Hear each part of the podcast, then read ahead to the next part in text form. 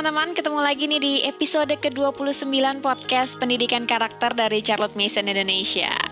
Kali ini kita mau ngobrolin hal-hal yang agak lebih teknis gitu, seputar persiapan belajar membaca. Hmm, iya, emang belajar membaca itu merupakan salah satu kemampuan akademis dasar yang kayaknya penting banget ya.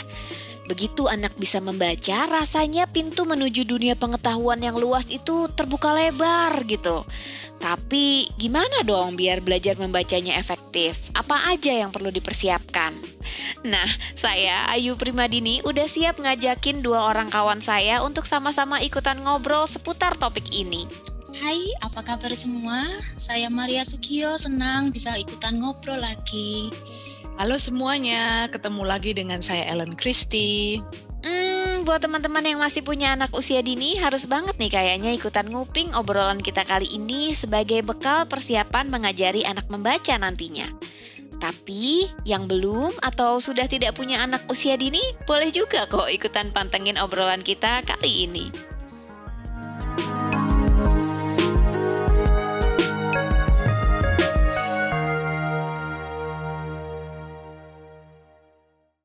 Kalian ada yang masih inget nggak? Dulu pertama kali bisa baca itu prosesnya gimana? itu sudah berapa puluh tahun yang lalu ya. Kalau persisnya gimana ya udah nggak persis ingetnya lupa agak lupa lupa inget gitu yang aku masih inget itu kayaknya aku mulai membaca itu pas TK jadi pas SD itu udah bisa baca tuh nah aku belajar membaca itu di rumah gitu tapi juga seingatku kayaknya nggak didampingi orang tua ya karena ayah ibuku kan dua-duanya sibuk apalagi mm -hmm. ayahku kan jarang di rumah mm -hmm. tapi aku merasa atmosfer membaca itu aku dapetin banyak di rumah sama di gereja mm -hmm. dan lebih karena kegiatan ibadah ya karena mm. kalau ibadah itu kan kami mesti baca kitab suci kan mm -mm. kan mesti kelihatan orang bawa bawa kitab suci terus membacakan gitu kan ya. Hmm. Nah, terus kalau nyanyi kan juga ada buku pujiannya. Nah, hmm. itu jadinya kan langsung apa ya? secara secara terus menerus kan berarti kayak dipaparkan bahwa uh, tulisan-tulisan ini itu tuh ada artinya kan gitu kan ya. Uh, terus karena sebagai anak-anak kan biasa ya kita pengen dianggap sudah besar gitu. Mm-hmm. Jadi aku juga gitu, eh, pura-pura buka kitab suci gitu, pura-pura buka buku lagu kayak gitu. Kayaknya kayak udah bisa baca gitu loh.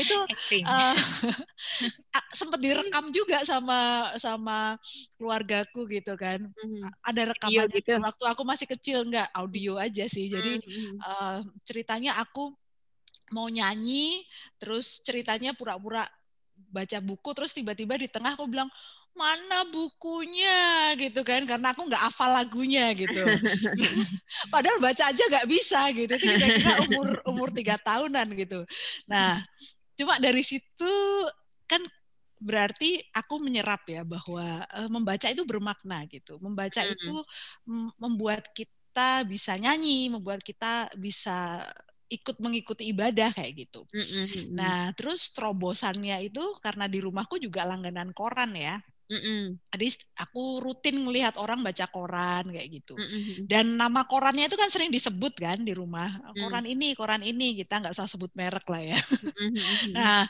jadi suatu hari aku melihat koran itu, terus aku inget, aku kayak tahu gitu nama koran ini itu kan ada huruf-hurufnya gitu. Mm-hmm. Oh berarti kalau ini tuh bacanya ini ya gitu. Mm-hmm. Karena hurufnya besar, terus nama koran itu sering disebut. Nah, terus dari situ tuh kayak kayak kayak dapat pencerahan gitu ya. Mm-hmm. Nah, sejak itu terus kayak ngelihat huruf-huruf lain kan jadi kayak penasaran gitu dan akhirnya terus lama-lama kayak ngerti gitu. Oh, jadi kalau ada huruf-huruf ini itu bacanya gini, uh, huruf-huruf ini bacanya gini gitu. Jadi kayak kemudian menular kepada memahami huruf-huruf yang lain gitu. Mm-hmm. Itu kayak cerita di ini ya, To Kill a Mockingbird itu yang anaknya Atticus Finch itu kan si oh, iya. itu ya, dia kan belajar baca dari tiap hari di pangku bapaknya di depan koran. Ah iya iya. Iya iya. Kalau kamu gimana Mar? Aku ya, aku sih persisnya nggak terlalu inget juga sih sama kayak Mbak Ellen tadi. Mm-hmm. Yang aku inget itu Uh, gini, sebenarnya pas waktu TK tuh aku juga sudah bisa baca sih. Cuma hmm. prosesnya aku bisa bacanya itu aku lupa. Hmm. Hanya yang ku ingat itu ketika aku belum masuk TK, jadi sebelum TK tuh kan aku biasanya main gitu tuh, tahu-tahu sama papaku dipanggil. Hmm. Terus aku heran disuruh apa. aku tuh inget disuruh ngapalin huruf-huruf. Hmm. Jadi papaku tiba-tiba kayak main guru-guruan gitu tuh. Dia berdiri di depan di depan papan tulis gitu, nulis huruf-huruf A, B, C gitu tuh. Terus aku disuruh ngapalin A, dia nunjuk A gitu tuh, B, hmm. C. Ya namanya baru sekali itu tuh ditunjukin aku kan ya enggak bisa tuh langsung hafal gitu tuh. Tapi hmm. aku kan galak ya jadi aku antara takut gitu aku ingat jadi aku ingat waktu pertama kali itu aku nangis nangis ngapalin huruf itu. Hmm. jadi itu yang aku ingat sih untuk pelajaran pertama aku membaca itu. Prosesnya gimana aku lupa tuh hanya memang pelajaran membaca secara formal yang bareng-bareng sama teman-teman itu memang kudapatkan waktu SD ya kelas 1 itu. Yang pakai buku itu loh, ini Budi. Ah iya. ini Budi, ya. ini Budi. itu buku legendaris banget ya. Uh, uh. Kalau aku pribadi aku juga nggak inget sama sekali dulu proses belajar bacaku gimana, tapi aku inget banget itu Budi itu dulu anak tengah, terus kakaknya namanya Wati, adiknya Iwan gitu kayaknya. Terus wajahnya Budi dan wajahnya Wati dan Iwan tuh aku masih inget banget gitu kayaknya. Legendaris itu. Uh, uh. Tapi emang biasanya sebenarnya proses anak bisa baca itu bisa beda-beda ya. Kalau aku yang aku ingat cuma dulu anakku dua itu proses belajar bacanya ya beda kalau si kakak tuh bisa belajar sendiri ya secara otodidak karena sering banget lihat buku dan keinginan untuk bisa kirim SMS waktu itu dulu ke neneknya gitu karena hmm. kita ada di luar kota gitu terus tapi adiknya tuh sampai umur enam tahun juga belum tertarik gitu rasanya belajar baca ya jadi ya beda banget gitu kayaknya emang hmm. prosesnya ini kok sama ya maksudku anakku yang pertama itu kan juga otodidak tapi anakku yang kedua itu juga gitu sama kayak anakmu mm-hmm. jadi sampai umur berapa ya enam menjelang tujuh itu bahkan huruf pun belum hafal padahal prosesnya aku pas juga sama maksudnya diperkenalkan dibacakan buku-buku itu sama gitu loh mm-hmm. dari awal mm-hmm. tapi ini loh yang menarik ini kalau misalnya aku ingat yang pengalamanku dengan Grace itu ya yang besar. Waktu itu kan aku masih riwah ya setelah melahirkan adiknya itu kan aku masih repot ngurusi bayi. Jadi aku memang nggak pernah sih secara khusus tuh menemani dia belajar membaca. Tapi mungkin karena dia nggak punya teman waktu itu kalau pas aku neneni adiknya gitu dia coba-coba merangkai gitu loh suku kata. Misalnya lihat bola gitu kan dia nanya hmm, hmm. bola mah bola itu berarti bo b o l a la bola b o l a gitu ya mah. Betul ya? Nah dia nanya gitu loh. Jadi terus dari situ dia anu apa dia belajar menyusun kata-kata gitu loh imajiner di benaknya. Jadi aku nggak tahu gimana tahu-tahu ya dia sudah bisa baca sendiri gitu dan aku jadi mikir ya kayaknya kalau asal anak itu sudah siap belajar membaca itu sebenarnya gampang ya buat anak-anak gitu ya Iya, memang itu kan ada istilahnya reading readiness kan, kesiapan hmm. membaca gitu. Dan ini sebetulnya konsep yang penting ya buat orang tua untuk pahami karena saat ini tuh kayak ada semacam tekanan gitu kan ke para orang tua untuk secepat mungkin membuat anak bisa membaca gitu kan ya. Pada usia semuda mungkin ayo berlomba-lomba untuk bisa membaca tanpa mempertimbangkan kesiapannya itu tadi, reading readiness itu tadi. Hmm. Jadi kayak lebih kayak bangga-bangga gitu ya untuk karena merasa bangga kalau anaknya kalau bisa masih bayi bisa baca deh. makin muda usianya makin bangga pokoknya. Jadi hmm. istilahnya tuh the earlier the better gitu. Hmm. Dan aku lihat kok ambisi uh, ingin melihat anak semudah mungkin bisa membaca ini meluas banget ya. Padahal hmm. itu secara ilmiah nggak ada basisnya gitu. Hmm. Karena kan kalau kita lihat kajian sains ya reading readiness atau kesiapan membaca ini kan akan sangat terkait dengan tahapan tumbuh kembang anak. Jadi hmm. kalau secara developmental itu tadi ya anak sudah siap, maka membaca itu sebetulnya nggak sulit, nggak perlu sampai nangis-nangis kayak Maria hmm. tadi gitu. Sebenarnya diajari sebentar pasti udah bisa kalau anaknya udah ready gitu. Hmm. Malah ya nggak perlu diajari aja, tahu-tahu udah bisa sendiri kan kayak. Grace, hmm. kayak Tachi gitu. Hmm. Tapi kalau secara developmental belum siap, wah itu kan malah bersikap ambisius supaya anak bisa cepat baca itu kan ya anaknya stres dan orang tuanya juga stres gitu kan. Hmm. kok nggak bisa bisa sih ini anakku diajarin baca gitu? Apa anakku bodoh apa gimana? Padahal karena belum siap aja gitu. Masalahnya emang tekanan dari luar kadang sih ya. Kayak syarat masuk SD itu kan sekarang harus sudah bisa baca. Hmm. sebelum lagi kan kayak peer pressure lah ya dari hmm. lihat teman-teman sekitar yang kayak Mbak Ellen bilang tadi emang udah meluas gitu kayaknya semua orang hmm. anak usia dini udah bisa baca tiga tahun empat tahun udah pada bisa baca jadi kalau lihat anak teman udah bisa baca terus anak kita belum bisa baca tuh katanya kayaknya orang-orang tuh banyak yang gatel gitu kan jadi mereka merasa nggak punya pilihan jadi ya udah harus diajarin baca nih sedini mungkin gitu kan hmm, hmm. nah justru itu kan makanya CM kan selalu menekankan jangan berpatokan pada uh, mayoritas gitu ya. Mayoritas itu ya bukan selalu salah, tapi juga uh, sering kali bukan patokan kebenaran gitu. Jadi kita hmm. harus belajar tentang fisiologi, tentang psikologi. Jadi termasuk dalam hal mengajari membaca, kita harus pahami juga kajian-kajian fisiologisnya bagaimana, psikologisnya bagaimana. Dan kalau kita baca riset itu ternyata loh, ternyata malah didapati bahwa mengajari anak membaca di usia tujuh tahun itu bakal lebih gampang dibanding hmm. mengajari anak membaca di usia lima tahun gitu.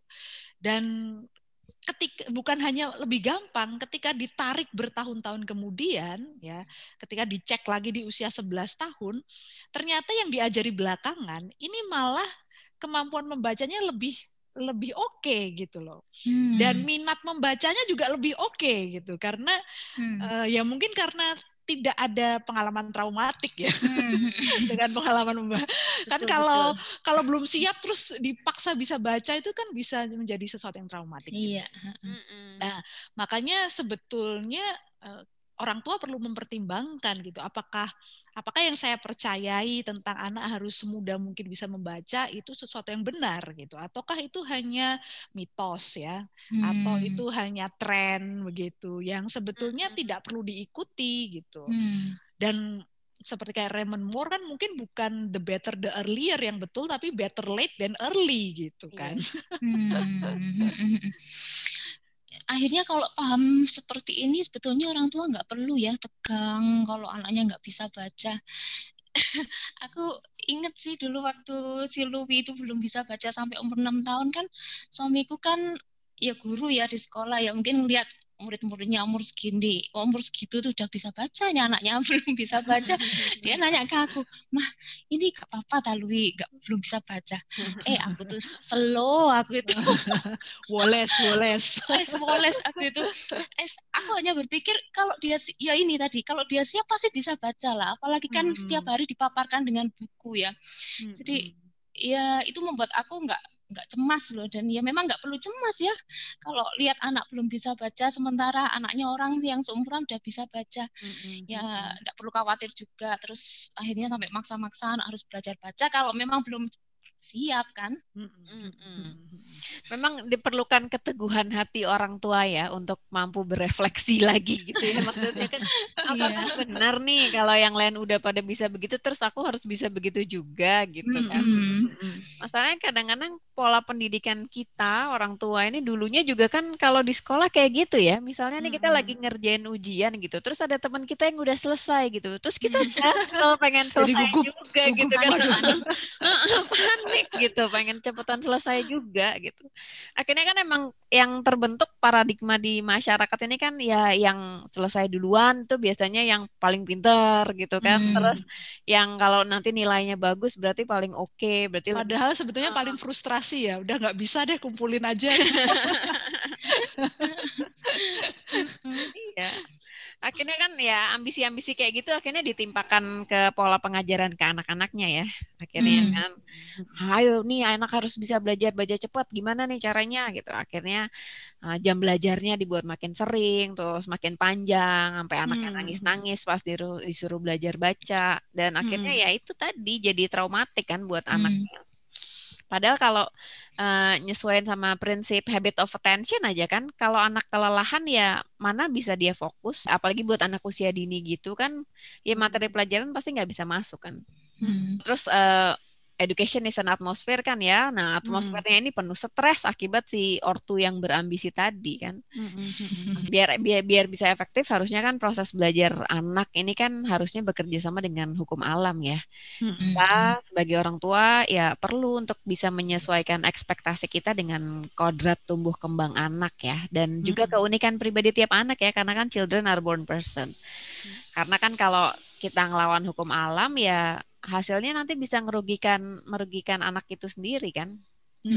Dan orang-orang tuh terkondisi oleh budaya ya, faktor kultural gitu. Karena kita kan sekarang hidup di budaya yang serba teknologis gitu. Hmm. Dan teknologi itu kan sebenarnya fungsi utamanya adalah mengefisienkan. Hmm. Jadi mempermudah, mengefisienkan, membuat lebih cepat gitu.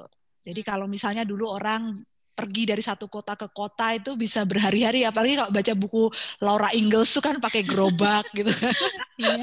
mau pergi ke satu tempat aja bisa berbulan-bulan gitu hmm. nah kalau sekarang kan sudah ada mobil jalan tol kereta api gitu kan beberapa hmm. jam aja yang tadinya berhari-hari bisa ditempuh gitu apalagi hmm. kalau naik pesawat itu hmm. antar negara aja tinggal berapa jam hmm. nah Terus misalnya contoh lain tuh kirim surat. Nah, siapa pengalaman bersahabat pena itu ya zaman dulu. kirim surat nanti sampai sana berapa hari, nanti dikirim balik ke kita berapa hari lagi, berbulan-bulan baru sampai gitu. Mm-hmm. Kalau sekarang teknologi digital kan udah pakai. SMS, pakai SMS aja sekarang udah kuno. udah pakai WhatsApp, pakai apa segala macam. Nggak sampai satu detik gitu loh surat pakai email dan saya sudah bisa diterima mm-hmm. gitu. Mm-hmm. Nah, tapi kemudian ketika kultur teknologis ini begitu melekat pada diri kita, kita sudah terlalu terbiasa bahwa semuanya itu bisa dipercepat gitu. Hmm. Maka lalu orang tanpa sadar berpikir bahwa tahap perkembangan anak juga bisa dipercepat. Jadi yang dulunya berapa lama itu, wah berarti bisa dipercepat ini gitu kan. Nah, hmm, hmm, hmm. belajar baca dulunya kelas 1, ayo dipercepat lagi gitu kan. TK, Oh TK bisa lebih cepat lagi playgroup, bayi cepat lagi bayi. bayi. Jadi gitu deh. Bulan, makin lama makin kan. cepat, makin cepat gitu. Uh, uh, uh, iya sih ya. Memang sih kalau diingat-ingat zaman zaman kita lah ya belajar membaca formal kan yang memang baru mulai kelas 1 SD itu pun teksnya masih sederhana banget gitu kan. Hmm. Jadi anak yang pas kelas 1 sudah bisa baca waktu itu ya dianggap luar biasa kan hmm. karena teman-temannya yang lainnya baru bisa bacanya setelah diajari kelas 1 gitu hmm. tapi kalau sekarang ya memang gitu tuh ya ya nggak istimewa lagi. Ya tuntutannya memang begitu. Malah kalau kelas 1 SD belum bisa baca kayaknya malah dianggap aneh ya. Terbelakang ini mesti gitu kan. Uh, uh, akhirnya anaknya sendiri yang merasa malu kan. Teman-temannya udah bisa baca nih kok aku belum bisa gitu Iya, eh, tuntutan hmm, sekarang memang semakin keras ya, semakin berat lah untuk anak-anak zaman ini. ya, ada ketidakseimbangan antara tuntutan sama tahap tumbuh kembang anak. Jadi tuntutannya hmm. dipercepat tadi, padahal secara fisiologis tahap tumbuh kembang anak ya sama aja gitu loh. Hmm. Yang sekarang bayi yang lahir sekarang sama bayi yang lahir satu abad yang lalu ya itu kan ya tahap tumbuh kembangnya ya tetap begitu gitu. Jadi mulai bisa jalan itu kan ya tetap sekitar umur satu tahun. Hmm. Mungkin ada yang lebih cepat, tapi ada juga yang lebih lambat. Mulai bisa loncat itu sekitar umur dua tahun gitu kan. Mulai bisa ngomong itu sekitar umur dua tahun, tiga tahun misalnya kayak gitu. Uh, nah itu kan malah bahaya kan kalau secara fisiologis anak misalnya belum tahapnya bisa jalan. Ya. Hmm terus kita paksa dia untuk jalan itu kan malah rusak kan dia badannya mm -hmm. secara fisiologis gitu. Mm -hmm. Anak belum bisa lompat, tahapnya belum bisa lompat, mungkin dia masih merangkak misalnya. Lalu kita paksa dia untuk melompat. Apa yang enggak kacau gitu kan? Dan itu Hmm. akan permanen gitu loh kerusakannya akan permanen dalam jangka panjang gitu jadi Hmm, ngeri bukannya ya. bukannya membuat anak akan maju tapi kalau kita bertindak eh, melawan tahap tumbuh kembang anak ya secara jangka panjang tindakan ambisius seperti itu malah bisa merugikan anak dalam jangka panjang gitu permanen gitu kerusakannya Hmm, hmm, hmm, hmm. Makanya ya CM menganjurkan anak baru belajar baca secara secara terstruktur ya umur 6-7 tahun inilah ya. Mm-mm. Ya lebih lambat boleh tapi ya janganlah kalau dicepat-cepatkan gitu. Mm-mm. Dan saran ini ya sebenarnya relevan lah untuk masa kini ya karena tahap tumbuh kembang anak di zamannya CM sama sekarang kan ya tidak berbeda toh. Mm-mm. Poin pentingnya sebenarnya jadi orang tua harus paham dulu ya ciri-ciri anak yang udah siap belajar baca tuh kayak apa gitu ya. Biar nggak akhirnya ngajarin anak baca tuh semata-mata karena tekanan sosial ataupun karena orang tuanya punya ambisi-ambisi tertentu itu ya.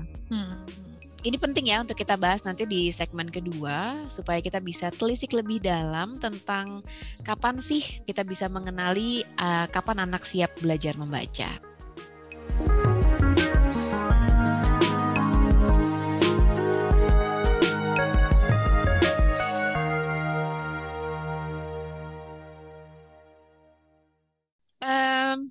Ingat ya, Mbak Ellen tuh pernah nerjemahin tulisannya Susan Johnson tentang kesiapan membaca di grup Facebook ini, komunitas Charlotte Mason Indonesia ya.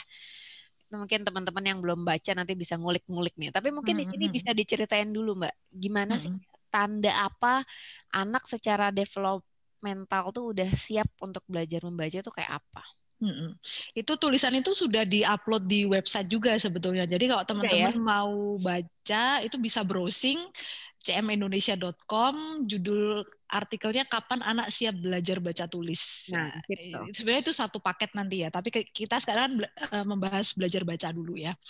Jadi kalau Susan Johnson ya aku pikir mewakili para pakar yang lain, intinya dia bilang bahwa anak itu akan siap untuk belajar membaca kalau kedua belahan otaknya kan otak kita itu ada belahan otak kanan, ada belahan otak kiri kan yang Mhm. eh, Nah, itu eh, mestinya harus sudah sama-sama berkembang dan terintegrasi gitu. Karena pada tahun-tahun pertama kehidupan anak eh, diperkirakan sampai sekitar umur tujuh tahun, itu Hmm. yang aktif bekerja, yang matang duluan itu belahan otak yang sebelah kanan, Hmm. yang sering disebut sebagai otak yang visual itu ya. Hmm. Nah, jadi kalau melihat situasi seperti ini, Susan Johnson bilang eh, sama seperti CM ya, 6-7 tahun pertama itu bukan periode yang cocok gitu untuk mengajari anak membaca. Karena Hmm. dia kalaupun diajari membaca dia akan hanya mengandalkan otak kanan gitu. Karena otak kirinya belum berkembang dengan dengan sempurna gitu. Nah, apa sih yang terjadi ketika anak membaca via otak kanan gitu? Jadi dia tidak akan melihat tulisan itu sebagai lambang ide gitu kan? Karena harusnya ketika kita melihat kata gitu kan kita harus punya imaji mental kan sebetulnya. Hmm. Misalnya kita tadi ada bola gitu. Kan mestinya di kepala kita langsung muncul bola imaji bola gitu ya. yang ditendang dan seterusnya. Hmm. Tapi kalau anak hanya membaca dengan otak kanan, dia cuma ngelihat huruf-huruf itu ya kayak gambar gitu Hmm. dan nggak ngelihat artinya gitu. Jadi ya dia lihat huruf depannya kalau bola tuh depannya lurus terus ada lengkungnya misalnya gitu. Terus lihat huruf belakangnya. Oh, belakangnya kayak Hmm. gini. Terus panjangnya seberapa gitu ya. Maka nanti kalau ada tulisan yang lain misalnya bukan bola tapi bala misalnya kayak gitu, ya dia bisa baca sebagai bola gitu. Hmm. Karena kan mirip kan Mirip bala, Mm-mm. bola. Terus misalnya eh, B U L U K itu kan buluk misalnya gitu kan ya. buluk. Dia bisa eh, keliru dengan eh, buruk atau busuk misalnya kayak gitu. Hmm. Karena mirip eh, jumlah hurufnya mirip depan belakang mirip gitu. Jadi ya dia bisa keliru karena ya kayak kita ngelihat gambar ya sekilas kan kayaknya mirip apa kan kita bisa nganggep oh itu itu gitu kan dibacanya ya sama gitu. Kalau anak-anak lagi belajar ngeja itu kan ker- kerap kali gitu ya. Misalnya dia baca H I T gitu kan. Terus bacanya bygone gitu kan. Maksudnya karena kan dalam image mereka itu bendanya itu gitu kan. Anak-anak kayak gitu tuh aku kamu hati anak-anak kecil kayak gitu. Tapi artinya sebenarnya kan walaupun balita itu bisa bunyiin huruf ya belum tentu dia paham ya sama makna hmm. yang dia sebutin itu. Makanya akhirnya maknanya ngarang gitu kayak tadi hmm. anak yang ketemu itu kan. Ya, terus aku juga jadi ingat ya tentang ada video bayi belajar baca itu loh yang pakai flashcard itu kan. Hmm. Nah, kalau aku perhatikan sebenarnya kan dia bukan bisa baca, bukan bisa membunyikan huruf, tapi cuma bisa mengidentifikasikan antara bunyi yang tepat dengan kata yang dimaksud hmm. gitu. Karena kan dia hmm. biasanya kan sampai ditulisin tadi misalnya bola gitu kan ibunya sambil ngomong nih bola gitu ntar paman ntar kakek gitu kan nah akhirnya kan anak mengidentifikasikan itu kan antara suara dengan bentuknya tuh seperti apa Hmm. Jadi kan nanti berikutnya ketika anak itu ditunjukkan kartu lagi terus dicari coba mana yang bola gitu terus nanti kan bayinya nunjuk nih biasanya dan itu biasanya hmm. tepat gitu kan hmm. karena ada gambarnya ya nggak ada gambarnya biasanya cuman oh, tulisan oh, gitu. doang cuman huruf uh. doang cuman anaknya itu bisa nunjuk dengan tepat nih kata bola yang ini gitu karena kan hmm. hmm, hmm. dulunya udah kayak di flashcardin gitu kan gitu hmm. flashcard bola paman kayak gitu kan oh iya iya iya nah gitu jadi, tuh Uh, aku gitu aku, tuh ngapalin nggak sih sebetulnya? Iya iya, akhirnya kan yang aku pernah baca ya tulisan uh, sanggahan dari para pakar gitu, dia bilang bahwa itu sebenarnya bayinya bukan bisa membaca tapi sekedar bisa mengidentifikasikan bunyi dengan apa tulisan itu ya gambar hmm, tulisan tulisan itu kan. Hmm. Nah kalau mereka bilang akhirnya para pakar itu bilang akhirnya jangankan bayi simpanse aja juga bisa kamu gituin gitu hmm. kayak lumba-lumba kan yang kalau kita lihat di uh, show-show lumba-lumba hmm. itu kan mereka juga bisa kan uh, hmm. mana satu tambah satu nanti dia uh, apa bisa mencet gitu ya mencet dua gitu. gitu kan ya karena kan itu kemampuan untuk itu mengidentifikasikan bunyi dengan katanya itu. Gitu. Hmm, iya, padahal poin utamanya bukan di soal bisa mengidentifikasikan huruf itu tuh ya. Mm-mm. Karena kan kalau kita ingat hukum kebiasaan itu ya, kalau anak udah terbiasa membaca tulisan sebagai gambar ya kayak dia bakal keterusan gitu tulisan hmm. itu ya dianggap sebagai gambar aja kayak tadi ya tulisan bola itu ya bukan imaji bola yang tergambar tapi ya biasanya tulis, dibaca begitu iya gitu, tulisan bola aja gitu yang tergambar hmm. gitu hmm. itu kan bisa bisa jadi keterusan gitu kalau maksudnya sampai gede dan ini kan case yang banyak terjadi hari ini ya hmm. karena kan bahkan di level mahasiswa pun kayaknya masih banyak juga mahasiswa yang uh, membaca itu ya sebatas membunyikan kata-kata tapi nggak paham gitu maknanya. Hmm. Titik komanya tabrak aja gitu. Terus selesai baca kalau ditanya tadi yang kamu baca intinya apa gitu. Eh, nggak tahu gitu kan ya.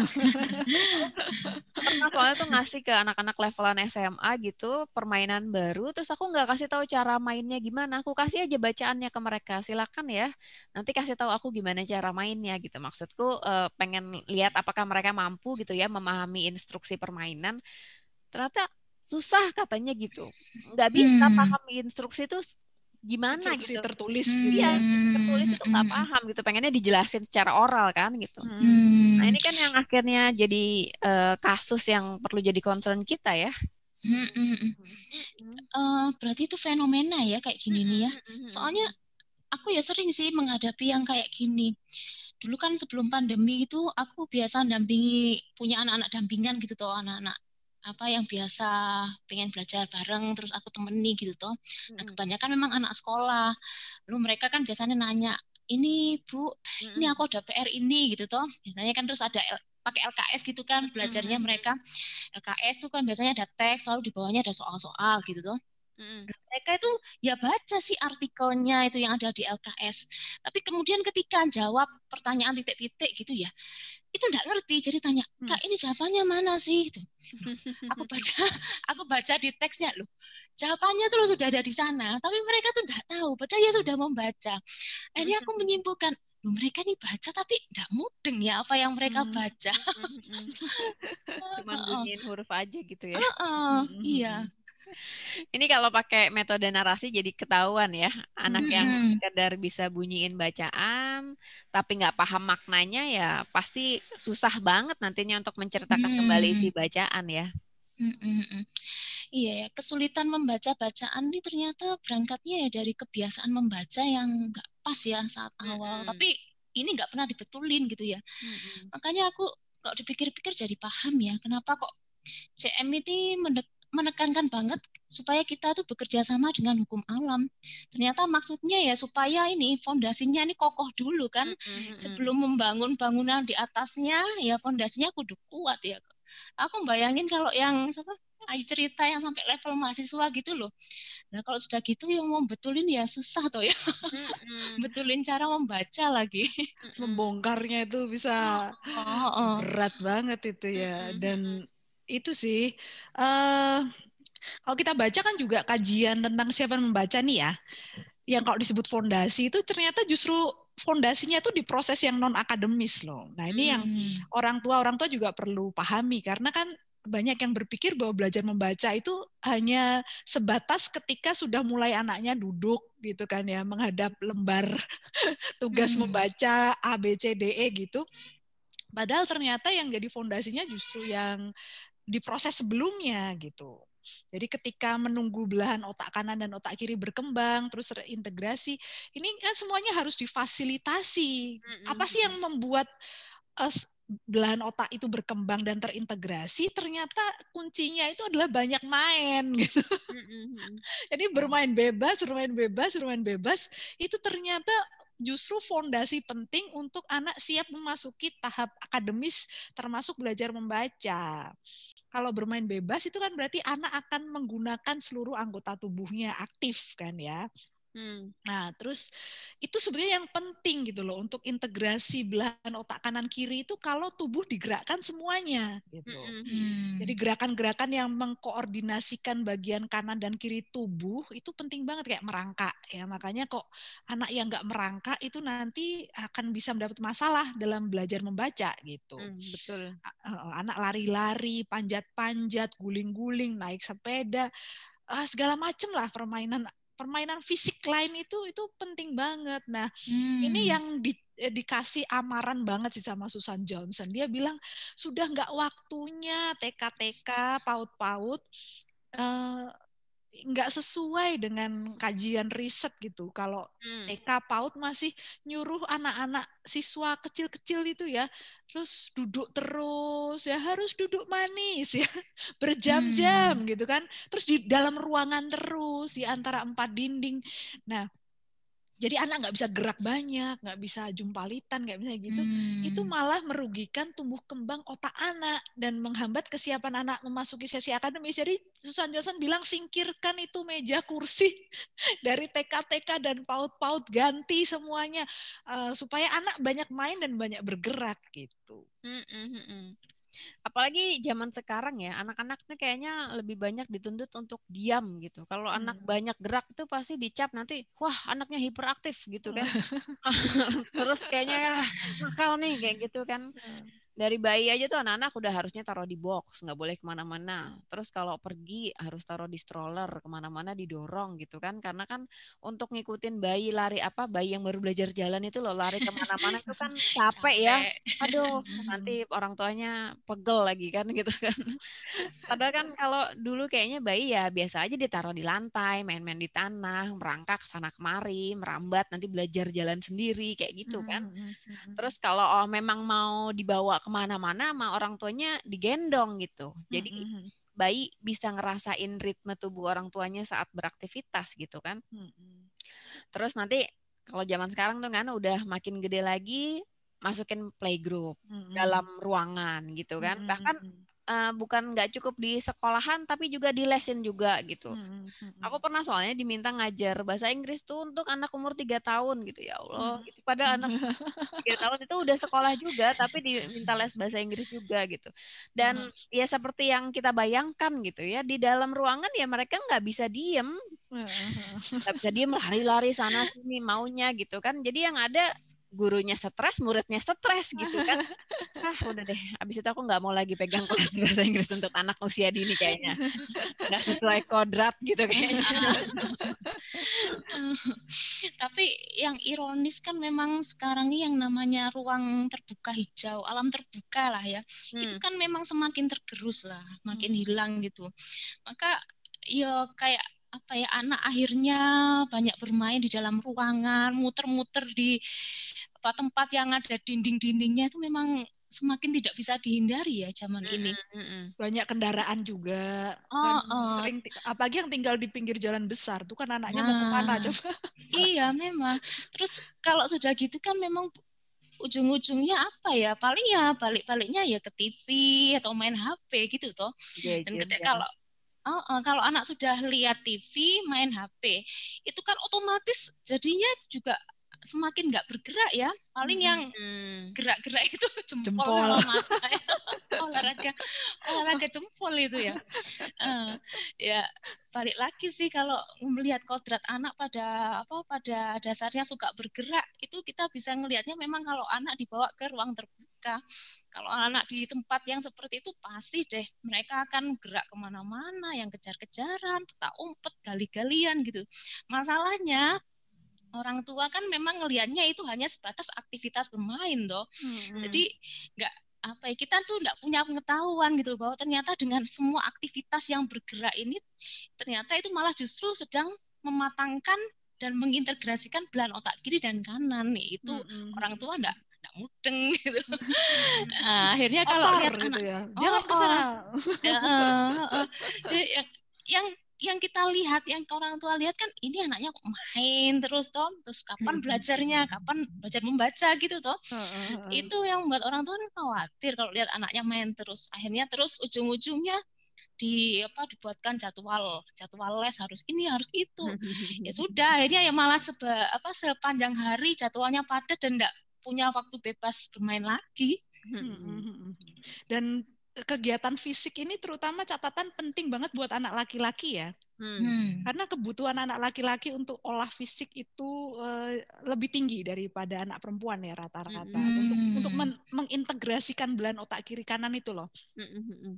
Kalau perempuan otak perempuan itu kan ada penyambungnya namanya korpus eh, kalosumnya itu kan lebih tebal. Jadi memang dia kita lihat anak-anak perempuan secara verbal biasanya lebih cepat berkembang gitu, lebih cepat ngomong, lebih cepat apalah baca dan sebagainya.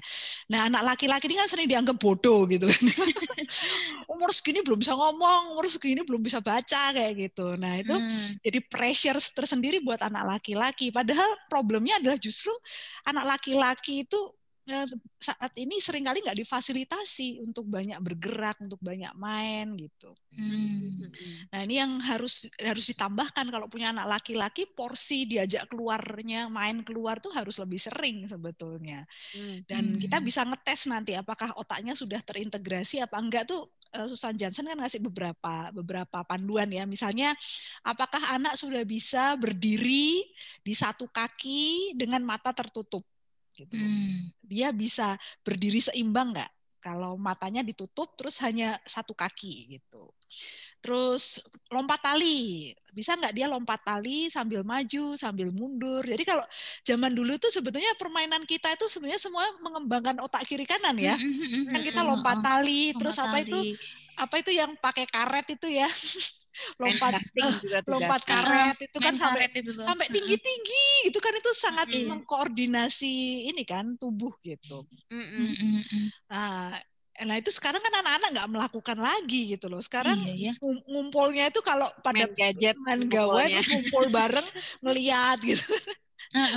Jadi ya ini yang yang hilang gitu pada pada kondisi sekarang sehingga kenapa mungkin ada lebih banyak eh, kesulitan belajar itu ya karena mungkin problem fisiologisnya nggak terpenuhi. Terus juga gerakan silang gerakan silang lainnya istilahnya cross lateral skip gitu ya. Jadi kayak misalnya baris berbaris tuh. Kan kalau anak yang belum terintegrasi itu kan nanti metro ya istilahnya ya tangan iya. tangan kiri sama kanan. kaki kiri tangan kanan kaki kanan jadi kan nggak bisa nggak bisa koordinasi gitu loh bingung nah itu tuh tanda dia belum belum terintegrasi dengan baik sebetulnya hmm. nah itu hmm. kalau anak-anak masih seperti itu kalau kata Susan Johnson berarti dia lebih baik dikuatkan dulu uh, gerakan silangnya ini baru kemudian belajar membaca gitu karena kalau itu sudah terintegrasi nanti belajar membaca itu gampang gitu. Mm -hmm. Sama satu lagi yang bisa ngebantu reading readiness atau kesiapan belajar membaca anak itu atmosfer berbahasa ya. Membaca ini kan sebenarnya masalah kemampuan berbahasa gitu. Jadi kalau sebelumnya atmosfer berbahasa itu sudah terbentuk ya akan lebih gampang untuk belajar baca gitu. Kayak misalnya uh, anak diajakin ngobrol dari bayi gitu kan. Tapi dengan gaya orang dewasa ya, bukan yang kayak dicadel-cadelin gitu. Oh iya. Sering itu ya. Terus biasa dibacain buku. Jadi kan perbendaharaan kata-kata bermaknanya jadi kaya kan anak itu. Jadi uh, nanti begitu dia belajar membaca, dia sudah punya bayangan kata itu maknanya apa atau layaknya disandingkan dengan kata apa lagi biar bermakna gitu. Jadi kayak hmm. udah apa? Jadi udah sesuatu yang otomatis gitu kan di hmm. dia karena dia sudah hmm. punya atmosfer berbahasa yang kuat ya. Hmm. Dan bukunya ini sebenarnya juga nggak harus buku anak-anak ya. Kalau aku dulu ya pengalamanku ya dulu aku sama suami tuh bacain anakku yang pertama tuh dari lahir itu ya buku apa aja gitu. Jadi baru lahir benar-benar baru lahir gitu nanti misalnya aku sambil nyucu, nyusuin gitu aku baca lantang aja buku yang aku baca gitu. Hmm, hmm. Suami juga kalau misalnya lagi baca buku di sebelahnya dia ya sengaja dibacanya keras-keras gitu. Ya bukunya ya bukan buku anak-anak gitu. Tujuannya hmm. sekedar biar si bayi ini ngerasain terus terbiasa juga dengar kalimat kalimat-kalimat yang terstruktur supaya nanti ya itu perbendaraan katanya jadi kaya gitu. Hmm, dulu itu pernah ada yang nanya nih loh, sebenarnya bagus mana sih anak itu didongengi storytelling gitu ya eh, dengan dibacakan buku. Kalau dari sudut pandang CM, setahu CM rekomendasikan keduanya ya. Mm-mm, Iya sih, memang kan itu bukan either or ya. Dua-duanya penting, dua-duanya ada plus minusnya ya. Hmm. Kalau storytelling itu CM bilang itu kayak minum ASI langsung dari susu ibunya gitu kan. Hmm. Jadi ada aspek ekspresif, terus ada kedekatan emosional. Kalau misalnya hmm diceritakan langsung semacam itu ya. Jadi bukan hanya nutrisi yang didapat gitu, nutrisi yang dari cerita itu ya yang didapat tapi juga kedekatan. Sementara kalau baca buku ya kayak aku bilang tadi jadi bisa bikin anak kosakatanya kaya, mm-hmm. terus dia bisa paham kalimat terstruktur tuh kayak apa gitu. Jadi ya uh, untuk menyediakan atmosfer berbahasa dua-duanya penting ya, baik mm-hmm. storytelling maupun buku gitu, membacakan mm-hmm. buku ya. Iya, iya. Dan selain atmosfer berbahasa, sebetulnya kalau kita mengingat bahwa children are born persons dan dia mereka itu adalah makhluk yang holistik gitu. Jadi nggak nggak hanya psikologisnya yang harus diperhatikan, tapi kecukupan fisiologis juga ya. Jadi hmm. kayak uh, kita harus harus cek makanan yang bergizi misalnya. Ya itu kan meningkatkan IQ juga gitu kan. Hmm. Kalau hmm. makanannya bagus gitu kan. Hmm. Terus uh, yang aku pikir salah satu problem masa sekarang itu uh, sering kali junk food itu loh ya hmm. makanan sampah itu malah masuk ke rumah-rumah gitu jadi anak-anak malah banyak yang jadi nggak suka sayur gitu kan nggak suka buah gitu kan iya. uh, pengennya makanan-makanan yang berlemak yang ini banyak uh, zat aditif dan pengawetnya gitu. Hmm. Padahal itu kan toksin ya. Jadi kan akan hmm, hmm, menghambat uh, proses kerja uh, pikiran dan tubuh gitu. Itu sebenarnya kalau kalau kita bisa sejak awal membuat anak terbiasa makan sehat itu akan sangat membantu sebetulnya untuk kesiapan dia dalam tahap tumbuh kembangnya gitu. Terus uh, tidur yang cukup. Nah, ini ini juga problem lain di masyarakat modern kita yang kayaknya waktu itu adalah uang dan harus di harus dipepetin jadwalnya. Dari bangun tidur sampai tidur lagi. Jadi sampai anak-anak yang kelelahan gitu kan kalau e, terlalu banyak agenda itu sebetulnya akan merugikan anak itu sendiri. Karena ternyata ketika tidur itu kan ada peremajaan sel-sel dan kemudian e, memproses apa saja yang sudah dipelajari. Hmm. itu semuanya akan membantu karena manusia itu holistik nggak bisa e, hanya disuruh duduk belajar baca aja gitu. Itu nggak bisa gitu. Jadi satu lagi juga yang nggak kalah penting adalah yang secara sekarang secara psikologis adalah cinta kasih tanpa syarat gitu kan. Hmm. Walaupun anaknya nggak bisa-bisa tuh ya jangan dibilang bodoh, jangan apalagi kalau kayak kemarin tuh ada yang sampai kemudian melakukan kekerasan kepada anak karena anaknya dianggap bodoh sampai anaknya nggak ada. Nah itu kan uh, anak kita bisa nggak bisa tuh kan dia tetap anak kita gitu. Jadi harus diterima tanpa syarat dan malah justru ketika kita menerima tanpa syarat malah anak itu akan thriving gitu, akan mekar mm -hmm. gitu kan ya. Mm -hmm. Terus sama tadi satu catatan lagi tentang yang dibilang Maria tadi kan tentang gawai ya. Ketika mm -hmm. anak belum bisa membaca, saran saran CM tuh pastilah batas itu secara ketat ya kegiatan menonton itu ya supaya pikiran anak itu bisa fokus ketika membaca tulisan yang statis nggak bergerak nggak ada gambar nggak hmm. ada cahaya nggak ada suara hmm. eh kalau anak sudah terbiasa audiovisual yang begitu cepat berganti-ganti terus suara apa segala macam efek-efek hmm.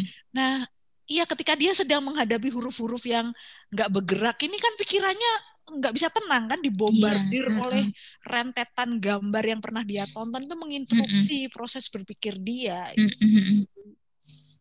Iya, bahkan untuk menyiapkan anak untuk bisa baca aja perlu disiapkan secara holistik ya. Soalnya emang nggak bisa dipungkiri sih kalau kemampuan akademis itu kan juga nggak lepas dari perkembangan fisiologis dan psikologis anak ya. Hmm, anak nggak akan bisa belajar dengan baik kalau jaringan syarafnya belum siap atau kalau misalnya anak itu stres gitu. kalau maksa anak belajar baca itu nantinya kan bisa menciptakan perilaku bermasalah ataupun program problem belajar ya.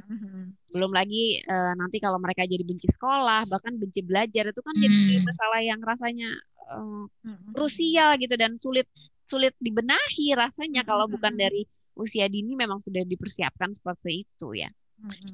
Artinya framing belajar membaca ini jangan hanya sebatas menyuruh anak duduk menghadap buku pelajaran selama sekian jam gitu ya. Tapi hmm. pertama-tama harus justru memberi anak peluang untuk segala macam permainan dan kegiatan yang bisa mengintegrasikan otaknya dan membantu tumbuh kembang sosial dan emosionalnya itu sendiri ya. Hmm. Anak-anak butuh hidup yang sehat, yang harmonis, yang dipenuhi dengan atmosfer bahasa yang kaya, gitu, tidak kompetitif, gitu. Hal-hal kayak gini penting sekali untuk fondasi akademisnya. Kalau fondasi ini beres, baru deh nanti kita bisa mengantar anak-anak maju ke tahap-tahap belajar membaca berikutnya. Ya. Nah, gimana itu tahapan belajar membaca menurut metode Charlotte Mason? Nah, kita bahas di episode berikutnya ya. Biar bahasan hari ini bisa diendapkan dulu sebelum kita masuk ke pembahasan yang lebih teknis gitu. Oke, begitu ya teman-teman. Selamat mempersiapkan anak-anak agar mampu menjadi sosok yang bukan hanya bisa membunyikan huruf, tapi juga bisa mencintai proses membaca itu sendiri.